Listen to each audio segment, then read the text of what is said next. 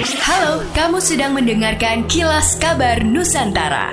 Podcast persembahan KG Radio Network menyajikan berita harian yang mengangkat keunikan dari berbagai wilayah Indonesia.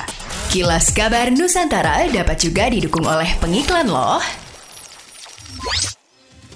Saat meresmikan Mall Pelayanan Publik Kota Bandung di Jalan Cianjur pada Selasa 23 Agustus kemarin, Wakil Gubernur Jawa Barat UU Ruzanul Ulum berharap kepada seluruh kabupaten atau kota di Jawa Barat harus memilikinya sebagai bentuk pelayanan kepada masyarakat yang cepat.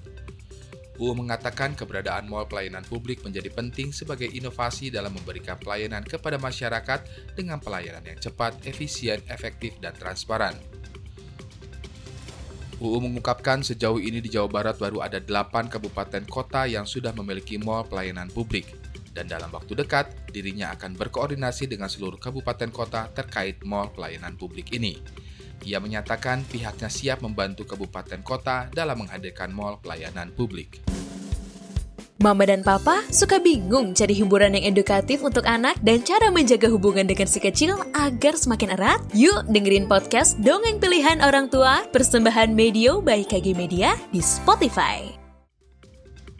Peneliti Lembaga Anti Corruption Committee atau ACC Sulawesi mempertanyakan komitmen penyidik Polda Sulawesi Selatan menangani kasus korupsi. Mereka menyoroti tiga tersangka kasus korupsi marka jalan yang tidak ditahan. Polisi berdalih para tersangka kooperatif. Direktur ACC Sulawesi Abdul Kadir Wakadubun menilai jika penyidik Polda tidak mau menahan tersangka korupsi, maka publik akan menaruh curiga. Apalagi dalam proses penanganan kasus ini tidak ada pemulihan kerugian negara oleh ketiga tersangka. Terpisah Direktur Reserse Kriminal Khusus Polda Sulsel Kom Kombes Pol Helmi Kuartaraf menuturkan, penyidik punya alasan dan pertimbangan terhadap tiga tersangka yang tidak ditahan sampai saat ini. Salah satunya dikarenakan perkaranya baru tahap satu. Seperti diberitakan sebelumnya di Treskrimsus melalui Subdit 3 Tipikor menetapkan tiga tersangka dugaan korupsi proyek pengadaan marka jalan tahun anggaran 2019.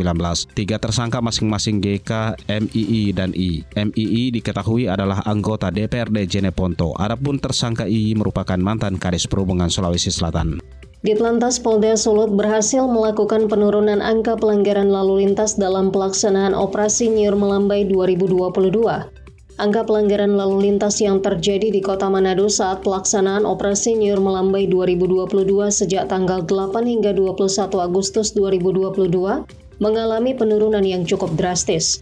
Kepala Bidang Humas Polda Sulut Kombes Polisi Yuls Abbas mengatakan, angka laka lantas yang terjadi pada 2022 menurun signifikan jika dibandingkan tahun 2021 lalu, di mana pada tahun 2021 terjadi 72 kecelakaan, sementara pada 2022 terdapat 45 kasus atau menurun sebanyak 37,5 persen. Kemudian untuk korban meninggal dunia sebanyak 14 orang pada tahun 2021 dan pada tahun 2022 sebanyak tiga korban meninggal dunia atau menurun drastis pada angka 78,5 persen. Dalam operasi Nyir Melambai 2022, petugas juga melakukan tindakan penyitaan sejumlah kendaraan roda 2 dan roda 4 karena terbukti pengendara melakukan pelanggaran dan tidak mampu menunjukkan bukti kepemilikan. Untuk mengambil kembali kendaraan yang disita, pemilik dapat mendatangi Mapolda Sulut sambil membawa bukti kepemilikan kendaraan tersebut.